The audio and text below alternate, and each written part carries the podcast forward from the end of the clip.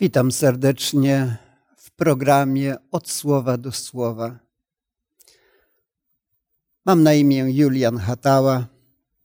Chciałbym dzisiaj poruszyć zagadnienie dekalogu, przykazań i starać się odpowiedzieć na pytanie, dlaczego protestanci, którzy generalnie mówią, że zakon, przykazania już w Nowym Testamencie nie obowiązują, a jednak w Stanach Zjednoczonych od kilku lat obchodzi się Dzień Dziesięciu Przykazań.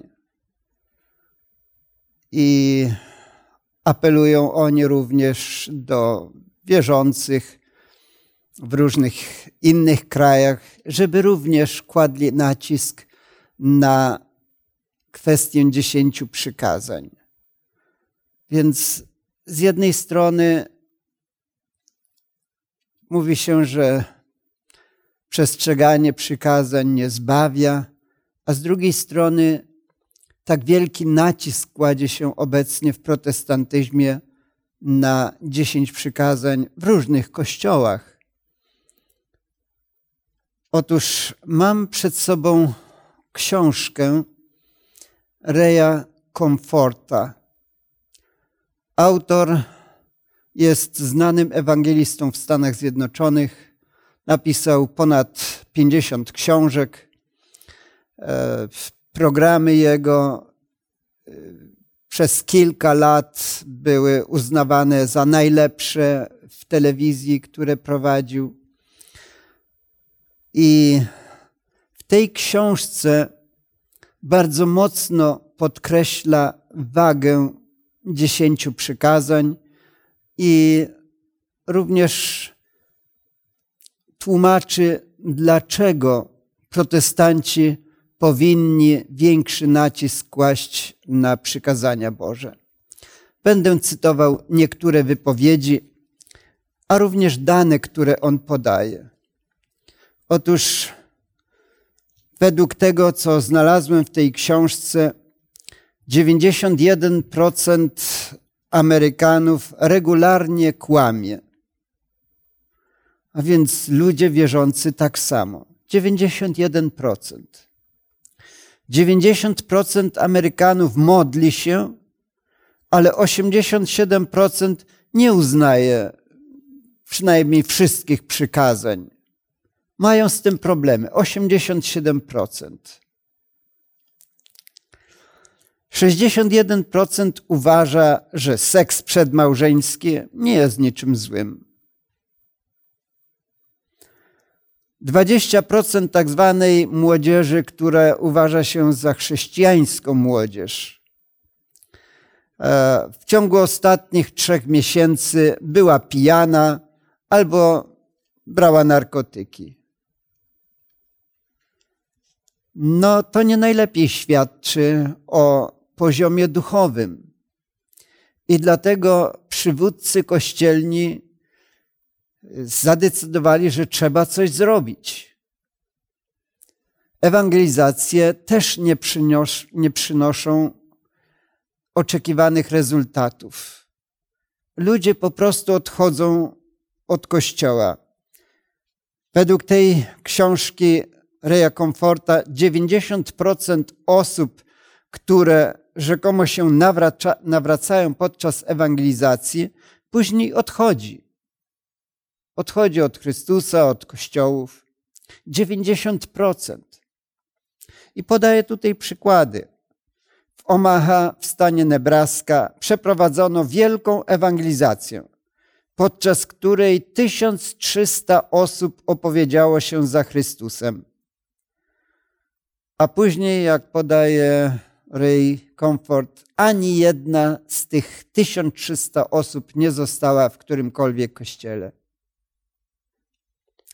W 1991 roku zespół ewangelistów udał się do Rosji i pozyskano tam, jak twierdzono, dla Chrystusa 2500 osób. Po roku ekipa ewangelistów przyjechała ponownie do Rosji i doszukała się zaledwie 30 osób z tych 2500. To jest 1,2%. Więc e, ewangeliści muszą sobie zadawać pytanie, dlaczego taki jest efekt ich pracy. Niemalże żaden, kilkuprocentowy ewentualnie, jeśli 90% i tak odchodzi później od kościoła. Podają przykład Johna Lennona, wokalisty The Beatles. E, oświadczył on w mediach, że się nawrócił. Przez jakiś czas każdą rozmowę zaczynał od słów chwała Panu, dziękuję Ci Jezusie i tym podobne. A w wywiadzie tuż przed swoją tragiczną śmiercią powiedział, że jego przekonania są zen chrześcijańskie, zen pogańskie i zen marksistowskie. Co się dzieje z ludźmi? Dlaczego tak wielu później nie trzyma się tego, czego naucza Słowo Boże? No i tutaj przywódcy kościołów dochodzą do przekonania, że problem musi być w stosunku do dekalogu, do dziesięciu Bożych przykazań. Przez lata całe nauczano, że Bóg jest miłosierny, Bóg jest dobry, że przykazania nie mogą nikogo zbawić. No i pff, oczywiście są takie teksty, które w jakiś sposób popierają tę ideę, że przykazania zostały przybite do krzyża, że niczego do doskonałości nie doprowadziły. E, zbawienie jest z łaski, bez naszych zasług. No i nic dziwnego, że ludzie obecnie w kościołach protestanckich mają problem z zaakceptowaniem przykazań i z jakimś pozytywnym stosunkiem do przykazań Bożych, do dekalogu. Ale przecież są teksty biblijne, które mówią o tym, że zakon to takie biblijne wyrażenie, które występuje w naszym Piśmie Świętym, czy przykazania Boże, prawo, e, że przykazania są dobre, święte, sprawiedliwe. Więc e, jak to jest z tym zakonem, z tymi przykazaniami naprawdę? Na czym polega problem? Otóż, jeśli powiemy tutaj, nawet w naszym kraju, że prawo czegoś zabrania, albo musimy się trzymać prawa. Dzisiaj dużo na ten temat się mówi, zwłaszcza konstytucji, bo to też jest prawo. Prawo nadrzędne, najważniejsze. No ale ktoś mówiąc prawo może mieć na myśli inne prawo, na przykład, nie wiem, drogowe. Prawo może być cywilne, prawo morskie. Więc to określenie prawo może odnosić się do różnych rzeczy. E, podobnie jest w Piśmie Świętym. Mamy prawo, które można porównać do konstytucji, czyli dekalog, prawo moralne, ale mamy również prawa dotyczące służby kapłańskiej, tych różnych ceremonii, które odprawiano. E, są prawa, które Bóg nadał królowi. Są prawa zdrowotne na przykład. Więc jeśli ktoś powie, że takie czy inne prawo już nie obowiązuje ze Starego Testamentu, to może warto się zastanowić, które prawo? Nie zawsze zresztą to słowo prawo czy zakon odnosi się do dekalogu i to warto pamiętać. Ja podam parę przykładów. E, dzisiaj będziemy dość dużo czytali tekstów biblijnych, z tego względu, że temat jest dość ważny i nie chciałbym, żeby to były moje słowa. Niech przemówi Pismo Święte. Ewangelia Łukasza, 24 rozdział, wiersz 44. Pan Jezus rozmawia z dwoma uczniami idącymi do Emaus. I wiersz 44 mówi tak: Potem rzekł do nich: To są moje słowa, które mówiłem do was, będąc jeszcze z wami, że się musi spełnić wszystko, co jest napisane o mnie w zakonie Mojżesza i u proroków, i w psalmach. Tutaj mamy takie wyrażenia: zakon Mojżesza, prorocy i psalmy. Otóż Żydzi dzielili Pismo Święte na takie trzy części. Zakon Mojżeszowy, czyli pięć ksiąg mojżeszowych, później prorocy byli i trzecia część to tak zwane psalmy lub pisma. I Jezus wyjaśnia tutaj, że wypełniło się wszystko, co jest napisane o mnie w zakonie Mojżesza. Oczywiście, że tu nie chodzi o dekalog, bo w dekalogu nie ma nic napisanego o Jezusie, żeby miało się coś wypełnić. Tak więc tutaj zakon oznacza po prostu, czy prawo oznacza pięć ksiąg mojżeszowych. Inny tekst, Hebrajczyków 9:22.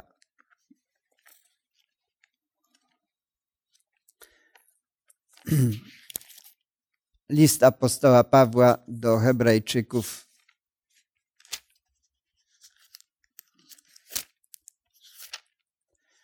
Dziewięć dwadzieścia dwa. A według zakonu niemal wszystko bywa oczyszczane krwią i bez rozlania krwi nie ma odpuszczenia. Według jakiego zakonu wszystko bywa oczyszczane krwią? dekalogu? Oczywiście, że nie. Innego prawa. Prawa, które dość często nazywane jest prawem ceremonialnym czy obrzędowym. E, jak należy, należało składać ofiary. Prawa, które mówiło, że bez rozlania krwi nie ma odpuszczenia. No tego nie ma w dekalogu, więc tutaj mowa jest o innym prawie. List do Rzymian, ósmy rozdział, wiersz drugi. Moglibyśmy przytaczać e, inne jeszcze prawa, ale ten tekst wskazuje, że po prostu jest nie tylko jedno prawo, gdy czytamy, żeby zawsze myśleć o jednym i tym samym. Ósmy rozdział, wiersz drugi. Bo zakon ducha, który daje życie w Chrystusie Jezusie, uwolnił cię od zakonu grzechu i śmierci. Więc nie wchodząc w szczegóły, wyraźnie widać w tym wierszu, że Paweł mówi o dwóch różnych zakonach. Zakon ducha, który daje życie w Chrystusie Jezusie i drugi zakon grzechu i śmierci. Dlatego też tutaj najwięcej popełniono pomyłek, e, myśląc, że zawsze, gdy jest mowa o zakonie, no to odnosi się to do dekalogu dziesięciu przykazań, to znaczy w ogóle wszystkich przykazań razem z dekalogiem, że to wszystko zostało usunięte, że to już nie obowiązuje w Nowym Testamencie i tak dalej. Nie. Czytając słowo zakon czy prawo, e, możemy myśleć i powinniśmy myśleć o różnych rzeczach, biorąc pod uwagę kontekst. Jeśli mówimy o tych prawach, to zwłaszcza wyróżnić możemy spośród wszystkich praw y, to, co nazwaliśmy konstytucją, czyli to, co jest najważniejsze, prawo moralne. Bóg wyróżnił to prawo.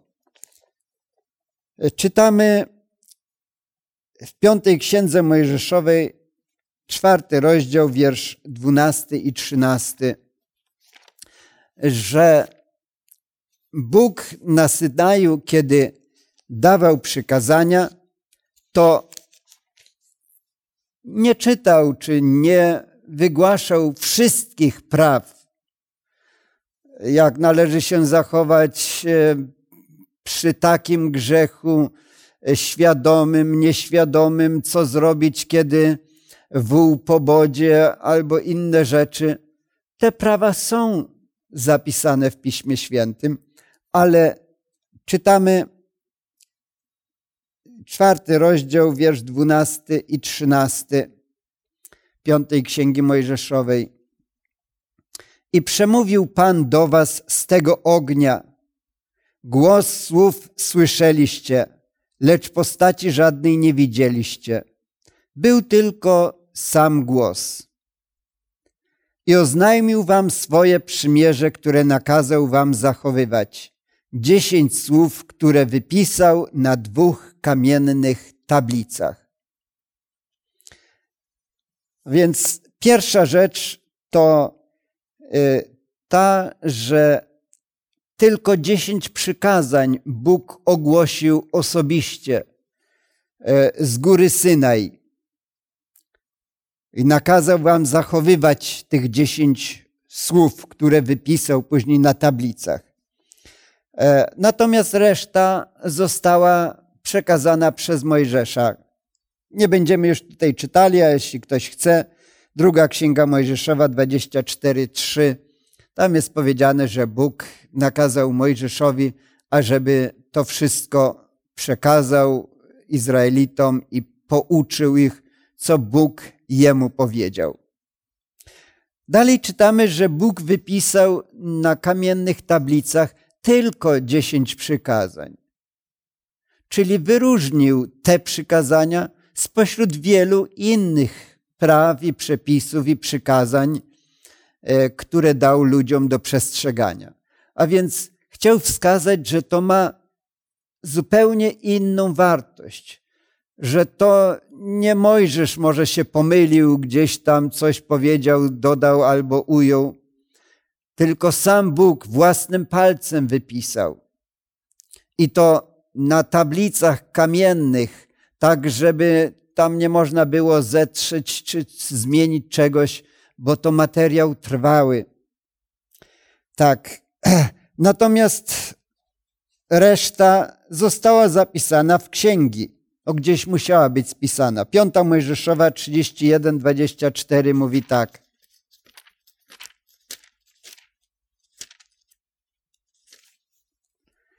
Trzydzieści jeden, dwadzieścia cztery. A gdy Mojżesz spisał do końca słowa tego zakonu w księdze. Tak. A więc Mojżesz spisał to wszystko, co Bóg przekazał jemu, natomiast dekalog był zapisany przez samego Boga na tablicach kamiennych. I ciekawą jest rzeczą, gdzie przechowywano te przykazania. Pierwsza Królewska 8:9. Ja myślę, że widzowie znają to zagadnienie, ale przeczytam, niech to będzie poparte Słowem Bożym. Pierwsza Księga Królewska, ósmy rozdział, wiersz dziewiąty.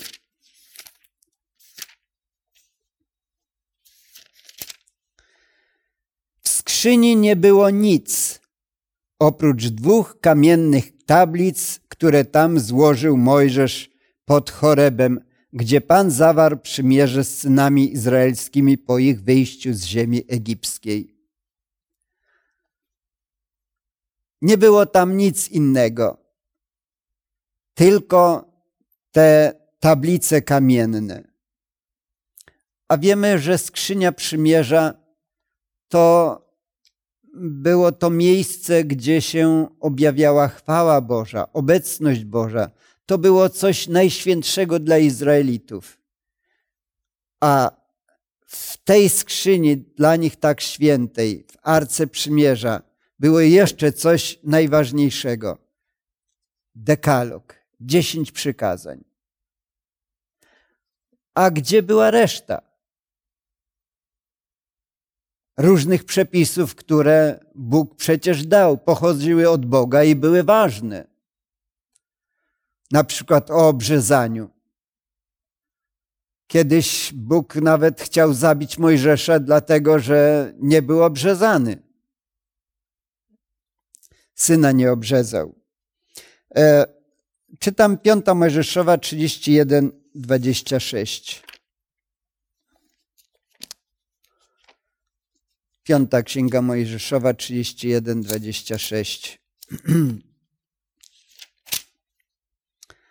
Weźcie księgę tego zakonu, powiedział Mojżesz, i połóżcie ją z boku skrzyni przymierza Pana, Boga waszego, i niech będzie tam świadkiem przeciwko Tobie.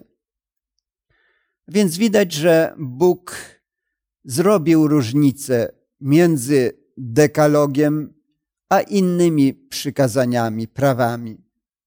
Do skrzyni powiedział tylko włożyć tablice kamienne. Przykazania wypisane własnym palcem Bożym. Te inne prawa z boku niech tam będą. One też są ważne. Ale to Bóg zrobił tę zasadniczą różnicę. Tak. No i dalej moglibyśmy czytać e, Psalm 19, rozdział wiersz 8. Mówi, że przykazania Boże są doskonałe. Czytam werset. Zakon Pana jest doskonały, pokrzepia duszę. Świadectwo Pana jest wierne, uczy prostaczka mądrości. A więc doskonały jest zakon.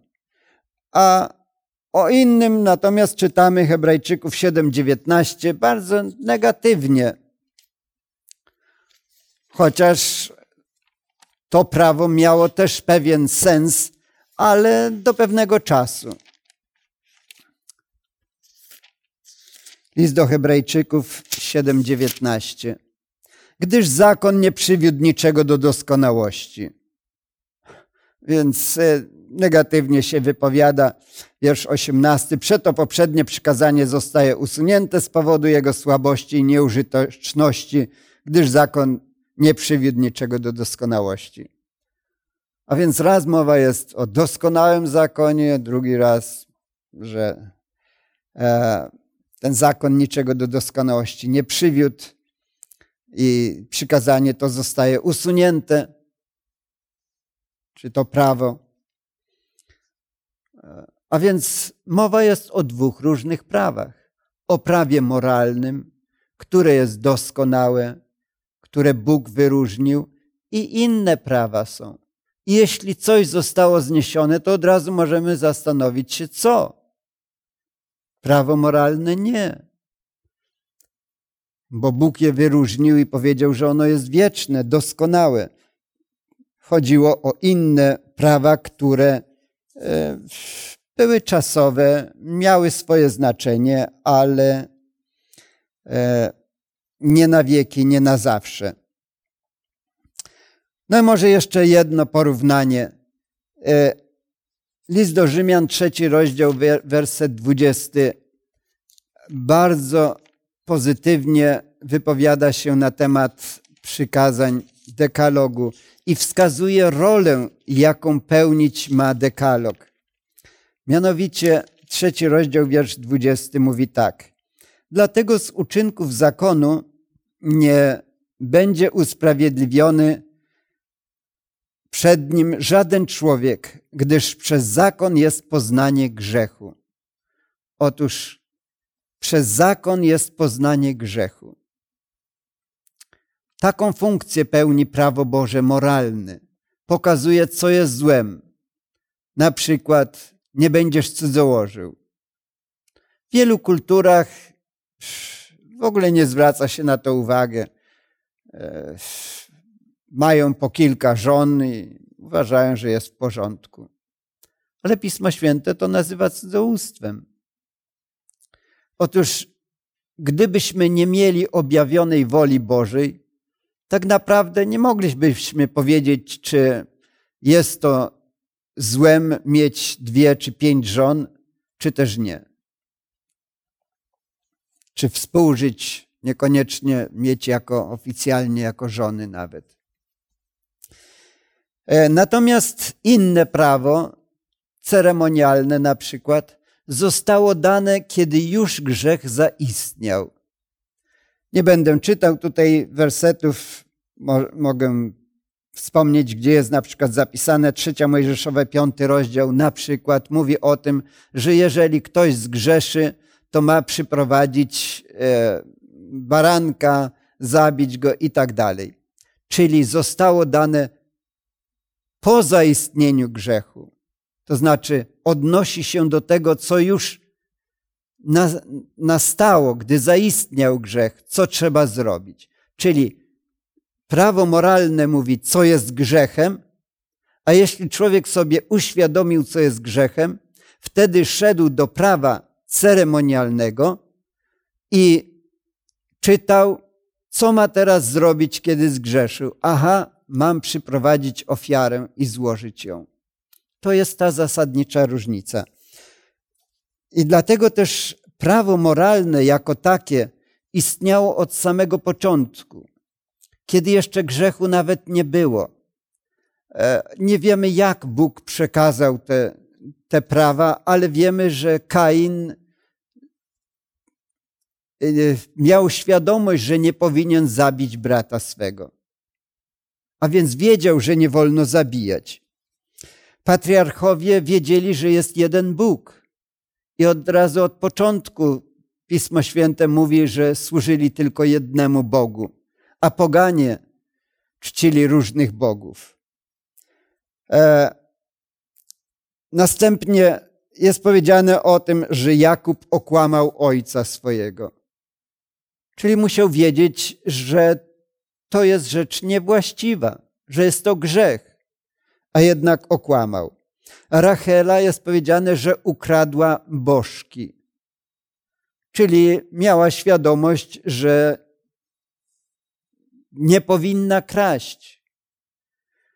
E, dalej jest powiedziane o bożkach, czyli miała świadomość, że jest jeden Bóg, a te figurki, które gdzieś tam schowała pod siodłem, to są bożki. I można by przytaczać inne przykłady. Jeden jest werset, który je podsumowuje wszystkie. Mianowicie mowa jest o Abrahamie w pierwszej księdze Mojżeszowej, 26 rozdziale, wierszu 5. Dlatego, że Abraham był posłuszny głosowi mojemu. I proszę zwrócić teraz uwagę na te słowa. I strzegł tego, co mu poleciłem. Przykazań moich, przepisów moich i praw moich. Otóż Abraham musiał je znać, jeżeli przestrzegał je. Tak. Był posłuszny Bogu i strzegł przykazań, przepisów i praw, które nadał Bóg. Pismo Święte mówi, że grzech jest przestępstwem prawa. Pierwszy list Jana, trzeci rozdział, wiersz czwarty. A apostoł Paweł, odwołując się niejako do tego, mówi takie dość dziwne słowa. List do Rzymian, piąty rozdział, wiersz dwunasty. Rzymian, piąty rozdział, wiersz dwunasty.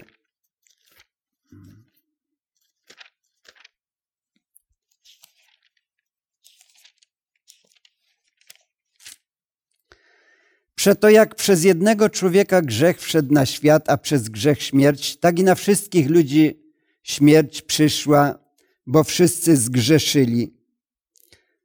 I wiersz trzynasty. Albowiem już przed zakonem grzech był na świecie. No mówię, no ale grzech jest przestępstwem zakonu.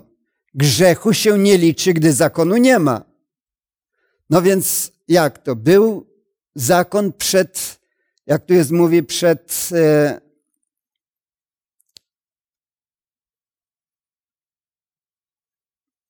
Synajem, e, czy przed nadaniem zakonu, czy to prawo istniało przed górą Synaj? Czy ludzie grzeszyli? Tak. No mówi, ale jak nie ma prawa, no to co przestąpi się? No musi się coś przestąpić, jeśli grzech jest przestępstwem zakonu. Więc mówi, w takim razie już to prawo było przed nadaniem na górze Synaj.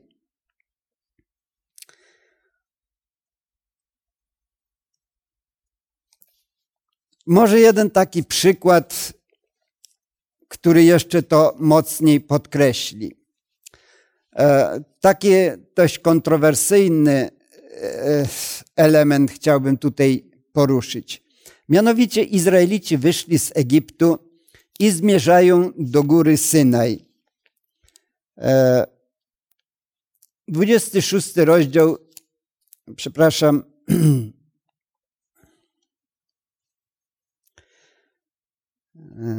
Druga Mojżeszowa, 16 rozdział.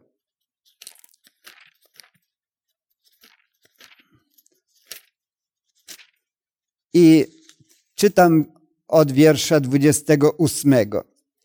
Mianowicie Izraelici nie byli posłuszni Bogu i wyszli zbierać mannę w sobotę. I rzekł Pan do Mojżesza, wiersz 28. Jak długo będziecie się wzbraniali przestrzegać moich przykazań i moich pra praw? Patrzcie, Pan dał wam sabat, dlatego daje wam też dnia szóstego chleb na dwa dni. Zostańcie każdy na swoim miejscu, niechaj nikt w siódmy dzień nie opuszcza swego miejsca. Odpoczywał więc lud dnia siódmego. Siódmy dzień to sabat. Izraelici jeszcze nie doszli do góry Synaj, bo nadanie przykazań jest opisane dopiero w rozdziale 20. A my już tutaj czytamy, że zanim doszli do góry Synaj, już mieli odpoczywać siódmego dnia. I Bóg nawet miał pretensje, dlaczego wzbraniacie się przestrzegać moich przykazań. Tak więc między innymi i sobota była znana jeszcze przed nadaniem na górze Synaj. Jak ludzie mogli być zbawieni w Starym Testamencie? E, to dobre pytanie. Znajdujemy odpowiedź na to w liście do Rzymian. Apostoł Paweł wyjaśnia. Czy na tej zasadzie, że na przykład zabili baranka, no to byli usprawiedliwieni. List do Rzymian, czwarty rozdział, wiersz pierwszy do trzeciego. Cóż wtedy powiemy, co osiągnął Abraham, praojciec nasz według ciała? Bo jeśli Abraham z uczynków został usprawiedliwiony, ma się z czego chlubić, ale nie przed Bogiem. Bo co mówi pismo? Uwierzył Abraham Bogu i poczytane mu to zostało za sprawiedliwość. A więc zbawienie już za czasów Abrahama było z wiary. Człowiek miał okazać wiarę, a Bóg okazywał wtedy łaskę. Nie za uczynki. Bo mówi, Abraham nie miał się czym chwalić przed Bogiem, jeśli by miał nawet dobre uczynki. Tak jest i dzisiaj. Nadzieja nasza jest tylko w Jezusie. Bo On jest doskonałą ofiarą i On nam wyjednał zbawienie. W Starym Testamencie spoglądali w przyszłość, składali baranki, bo tak Bóg nakazał. Przestrzegali, starali się przestrzegać tych praw. My dzisiaj patrzymy wstecz na Jezusa, na tą doskonałą ofiarę, baranka doskonałego i nie musimy przestrzegać tych wszystkich praw dotyczących ofiar, bo to się już wypełniło. Natomiast to, co było przed Górą Synaj, prawo moralne, to pozostało do dzisiaj i też nie dlatego będziemy usprawiedliwieni, że będziemy przestrzegać tych praw e, i chlubić się, że dobrze postępujemy. Pozbawienie i tak jest z łaski Chrystusa, który umarł za nas i to On może nam to zbawienie darować.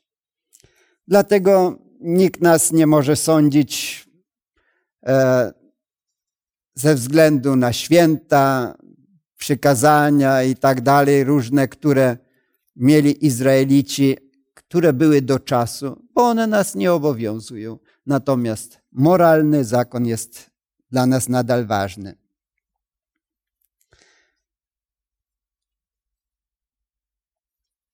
Niektórzy mówią jednak, że no najważniejsze są jednak inne przykazania, przykazania miłości. Miłować Boga i bliźniego. Pan Jezus powiedział, że to jest streszczenie przykazań Bożych. E, natomiast Paweł napisał coś takiego znamienitego. Siódmy rozdział listu do Rzymian, wiersz siódmy. Cóż więc powiemy, że zakon to grzech? Przenigdy, mówi Paweł. Przecież nie poznałbym grzechu, gdyby nie zakon. Czyli nie, był, nie wiedziałbym o tym, że coś jest złe, gdyby nie było zakonu. Wszak i o porządliwości nie wiedziałbym, gdyby zakon nie mówił nie pożądaj. Tu podał dobry przykład, ponieważ nie było w żadnym prawie świeckim, państwowym czy jakimkolwiek innym takiego zakazu nie pożądaj. A gdzie to przykazanie się znajduje? W dekalogu. I w dekalogu jest powiedziane, żeby nie pożądać. Tak więc e, Paweł mówi, że on nawet kochał Boga bardzo, ale miłość by mu tego nie powiedziała, że akurat porządliwość jest grzechem. I dlatego mówi, że zakon jest dobry. A teraz kilka myśli z tej książki. E, przetłumaczyłem sobie, żeby to już szybciej było, więc e, na przykład na stronie 140 i, i dalej jest tak napisane. Piękno prawa polega na tym, że łamie ono dumne serca i pokazuje ludziom ich winę przed Bogiem. Przez zakon jest poznanie grzechu. Gdzie nie ma przekonania o winie, nie ma wyznania grzechów ani pokuty.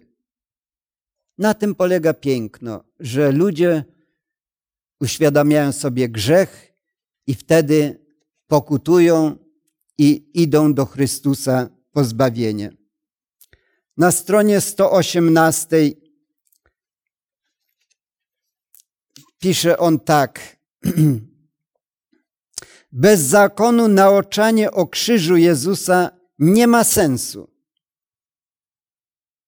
Nie ma sensu mówienie o miłości Jezusa i tak dalej, jeśli się nie mówi o zakonie czy o przykazaniach. Bo dla ludzi jest to głupstwem. Jeśli on nie czuje się winny, nie czuje się grzeszny, bo, bo nie przyjrzał się przykazaniom Bożym, to on nie ma ochoty na pokutę, na y, prośbę o przebaczenie i tak dalej. Więc bez zakonu nauczanie o krzyżu Jezusa nie ma sensu. Dalej pisze on, że nawet te metody gdy się posługuje muzyką, e, są niewłaściwe. Dlaczego? Pisze on tak. Muzyka może wywołać łzy w ludziach, ale jest wielkim błędem stosowanie muzyki do wywoływania emocji. A tak się robi często właśnie na tych ewangelizacjach. Należy raczej apelować do ludzkiej woli i świadomości, a nie do uczuć. Cytuję tutaj też wypowiedzi Lutra, Spurgeona, wielkich ewangelistów przeszłości, którzy y, zwracali uwagę na potrzebę przykazań. E, na stronie 167 Marcin Luther napisał tak. Pierwszym obowiązkiem sługi Ewangelii jest zwiastowanie Bożego prawa i ukazywanie natury grzechu. To jest podstawa. Pokazać człowiekowi, że jest grzesznym, a później mówić, że jest łaska. E, podobnie wypowiedział się wielki ewangelista e, Spurgeon e, na stronie 117.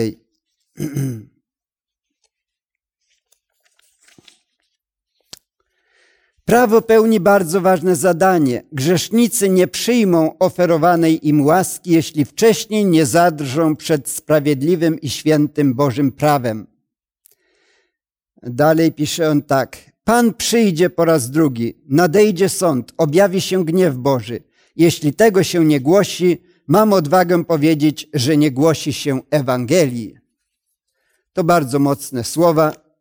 Nie będę cytował dalej. E, może jeszcze jedno tylko wyrażenie. Na stronie 177 mówi, że prawo jest lustrem, które pokazuje, że nie jesteśmy w porządku przed Bogiem i sami nie możemy sobie pomóc. Musimy polegać całkowicie na Jezusie. Prawo jest lustrem. Dlatego Paweł napisał, jeszcze przeczytam ten tekst, list do Rzymian, siódmy rozdział, wiersz dwunasty. Tak więc zakon jest święty, przykazanie jest święte i sprawiedliwe i dobre. Korzystajmy z niego. Jeśli Bóg coś podał, jest to dobre zawsze. Nawet to, co było czasowe tylko, było dobre, ale skończyło się, przybite do krzyża. Natomiast prawo moralne nadal nas obowiązuje, wszystkich dziesięć przykazań. I chwała Panu za to. I dobrze, że protestanci również zwrócili uwagę na to, że moralność narodu będzie podupadała, jeśli nie będzie się trzymało dziesięciu przykazań. Stąd ten dzień dziesięciu przykazań. Niech Bóg błogosławi nam wszystkim. Amen.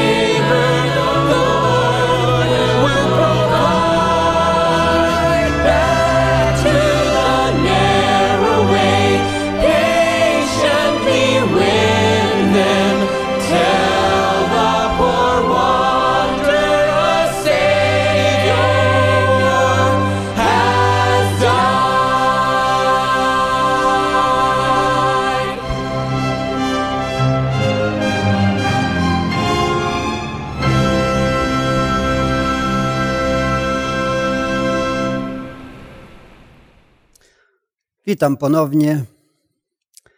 Mam dość dużo pytań. Nie wiem, czy będę w stanie odpowiedzieć na wszystkie. Spróbuję. Zaczynam od pierwszego. Daniel pyta, dlaczego Bóg nie uwalnia mnie od lęku, który już mam z około trzech lat? Chciałbym w końcu zacząć chodzić do pracy i też służyć jakoś Bogu, ale nie mogę wyjść na długo, bo lęki mnie dopadają. Codziennie modlę się i słucham Słowa Bożego, a mimo to lęki nadal są. Czy Bóg ma jakiś cel w tym? Jest trudno odpowiedzieć na to, dlaczego Bóg akurat nie odpowiada. Wielu nawet się zniechęcało, kiedy czytało o tym, że Jezus nie uwolnił Jana Chrzciciela z więzienia. Przecież to był jego kuzyn, krewniak, taki wspaniały człowiek. Dlaczego go nie uwolnił?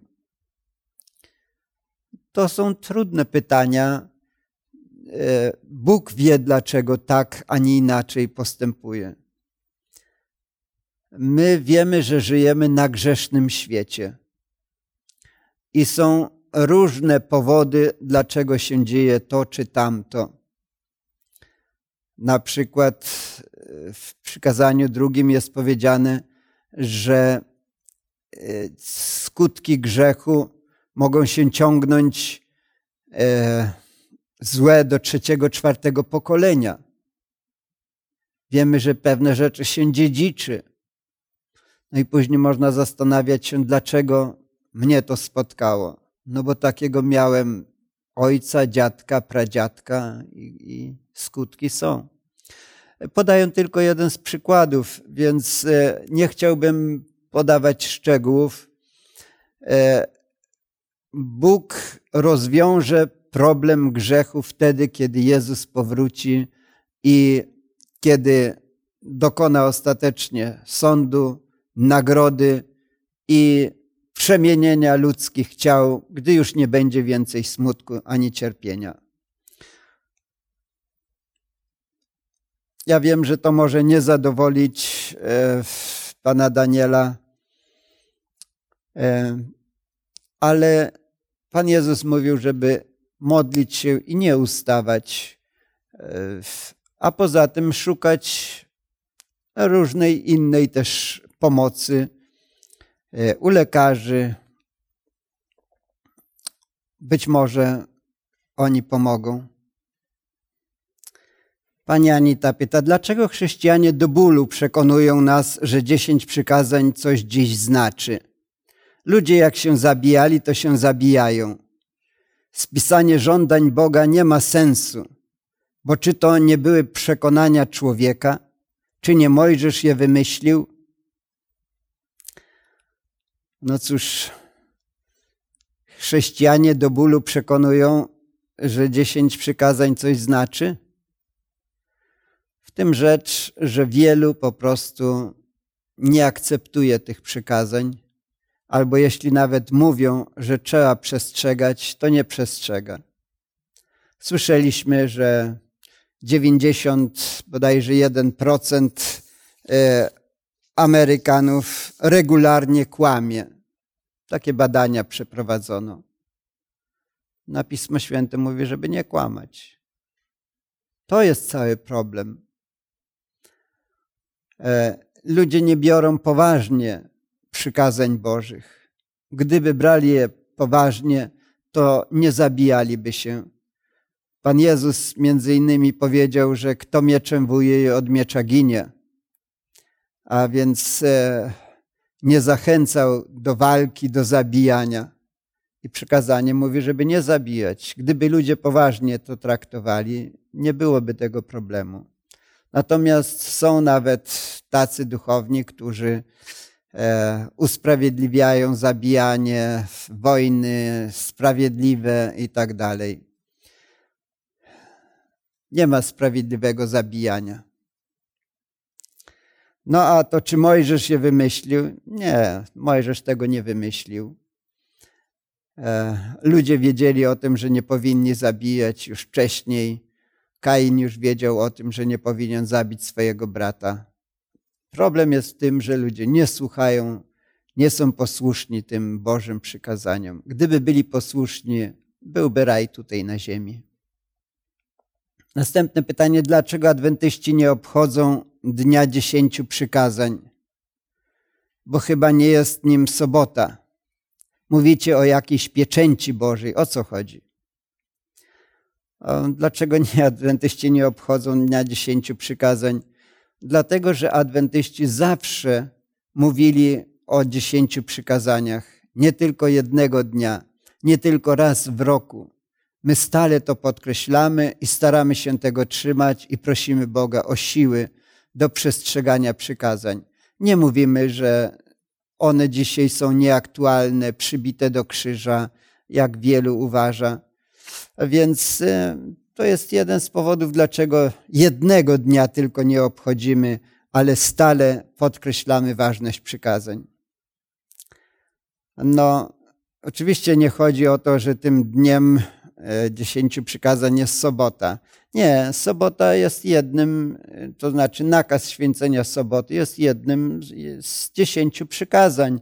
I podkreślamy również to przykazanie, bo uważamy, że wszystkie przykazania są ważne, a więc również i przykazanie dotyczące soboty. E, no a mówicie, że o jakiejś pieczęci Bożej. No Pismo Święte wspomina o pieczęci Bożej. E, pytanie, co jest tą pieczęcią? I adwentyści uważają, że to jest właśnie święcenie soboty, dlatego że e, protestanci generalnie, nawet teraz, kiedy mówią o nawrocie do dekalogu, e, przyjmują wszystkie przykazania oprócz soboty. I dlatego uważamy, że jeśli ktoś akceptuje i to przykazanie, to jest to jakby przypieczętowanie wszystkich przykazań, że się przyjmuje całą wolę Bożą bo nie wystarczy e, nie kraść, ale kłamać. Po prostu przestąpienie jednego przykazania jest przestąpienie prawa Bożego.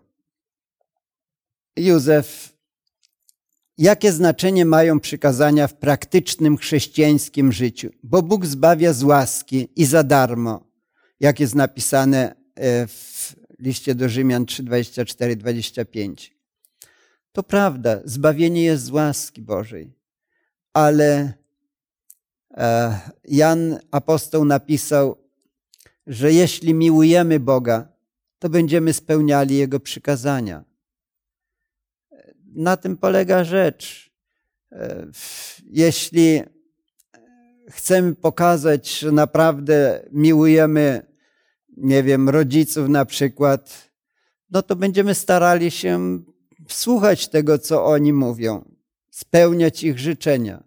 Jeśli Boże życzenia są takie, żeby nie kłamać, nie kraść, nie cudzołożyć, a miłujemy Boga, to po prostu chcemy to czynić. A więc ludzie zbawieni przestrzegają prawa nie dlatego, że chcą być zbawieni, tylko dlatego, że są zbawieni z łaski, chcą pełnić wolę Bożą z miłości do Niego. I o tyle one są ważne. Poza tym są ważne z tego względu, że pokazują, e, co należy czynić. Gdyby rodzice nie powiedzieli dziecku, co ma czynić, to jak mogłoby okazać miłość swoim rodzicom?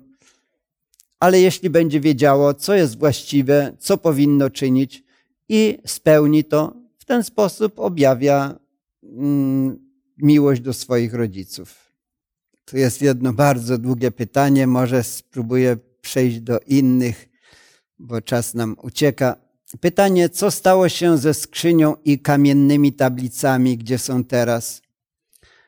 E, nie wiemy dokładnie, co się stało ze skrzynią e, i tablicami. Przypuszczalnie przed najazdem Babilończyków Jeremiasz schował je gdzieś, ale nie wiemy gdzie, tak żeby się Arka Przymierza i święte przykazania Boże nie dostały w ręce pogan, żeby je, nie wiem, nie bezcześcili. E, nikt nie wie, gdzie jest teraz Arka Przymierza i, tablice kamienne. Dalej pytanie, czy sztywne trzymanie się dekalogu to nie jest za mało? Oczywiście jest za mało. Żydzi trzymali się tak jakoś sztywno, jeszcze dokładali swoje uzupełniające prawa i były to bardzo niemądre prawa. Czy można zjeść jajko, które zniesie kura w sobotę? No, czy to jest mądre? E, więc Jezus mówił: Miłości chcę, a nie ofiary. Także powinno się jedno z drugim połączyć. E, Jezus wyjaśniał, że nie wystarczy trzymać się sztywno przykazania, nie cudzołoże. Ale mówi, jak porządliwie patrzysz na kobietę, to już popełniłeś z nią grzech. Więc e, nie to, że rozszerza te przykazania, tylko ukazuje, że powinno się przykazania spełniać z miłości do Boga. Tak jak już wcześniej wspomniałem, w ten sposób możemy e, objawić miłość do naszego Boga. No nie odpowiedziałem na wszystkie e, pytania. E, chciałbym zakończyć dzisiejsze nasze spotkanie. E, chciałbym zakończyć modlitwą. Modlitwą o to, żebyśmy nie patrzyli formalnie na przykazania, ale żebyśmy widzieli w tym piękno Bożego prawa, objawionej woli Bożej, bo to pomoże nam w życiu. Społeczeństwo by lepiej funkcjonowało, gdyby ludzie trzymali się tych przykazań, nie okłamywali, nie kradli, nie zabijali się, nie założyli. Jakżeż pięknie byłoby.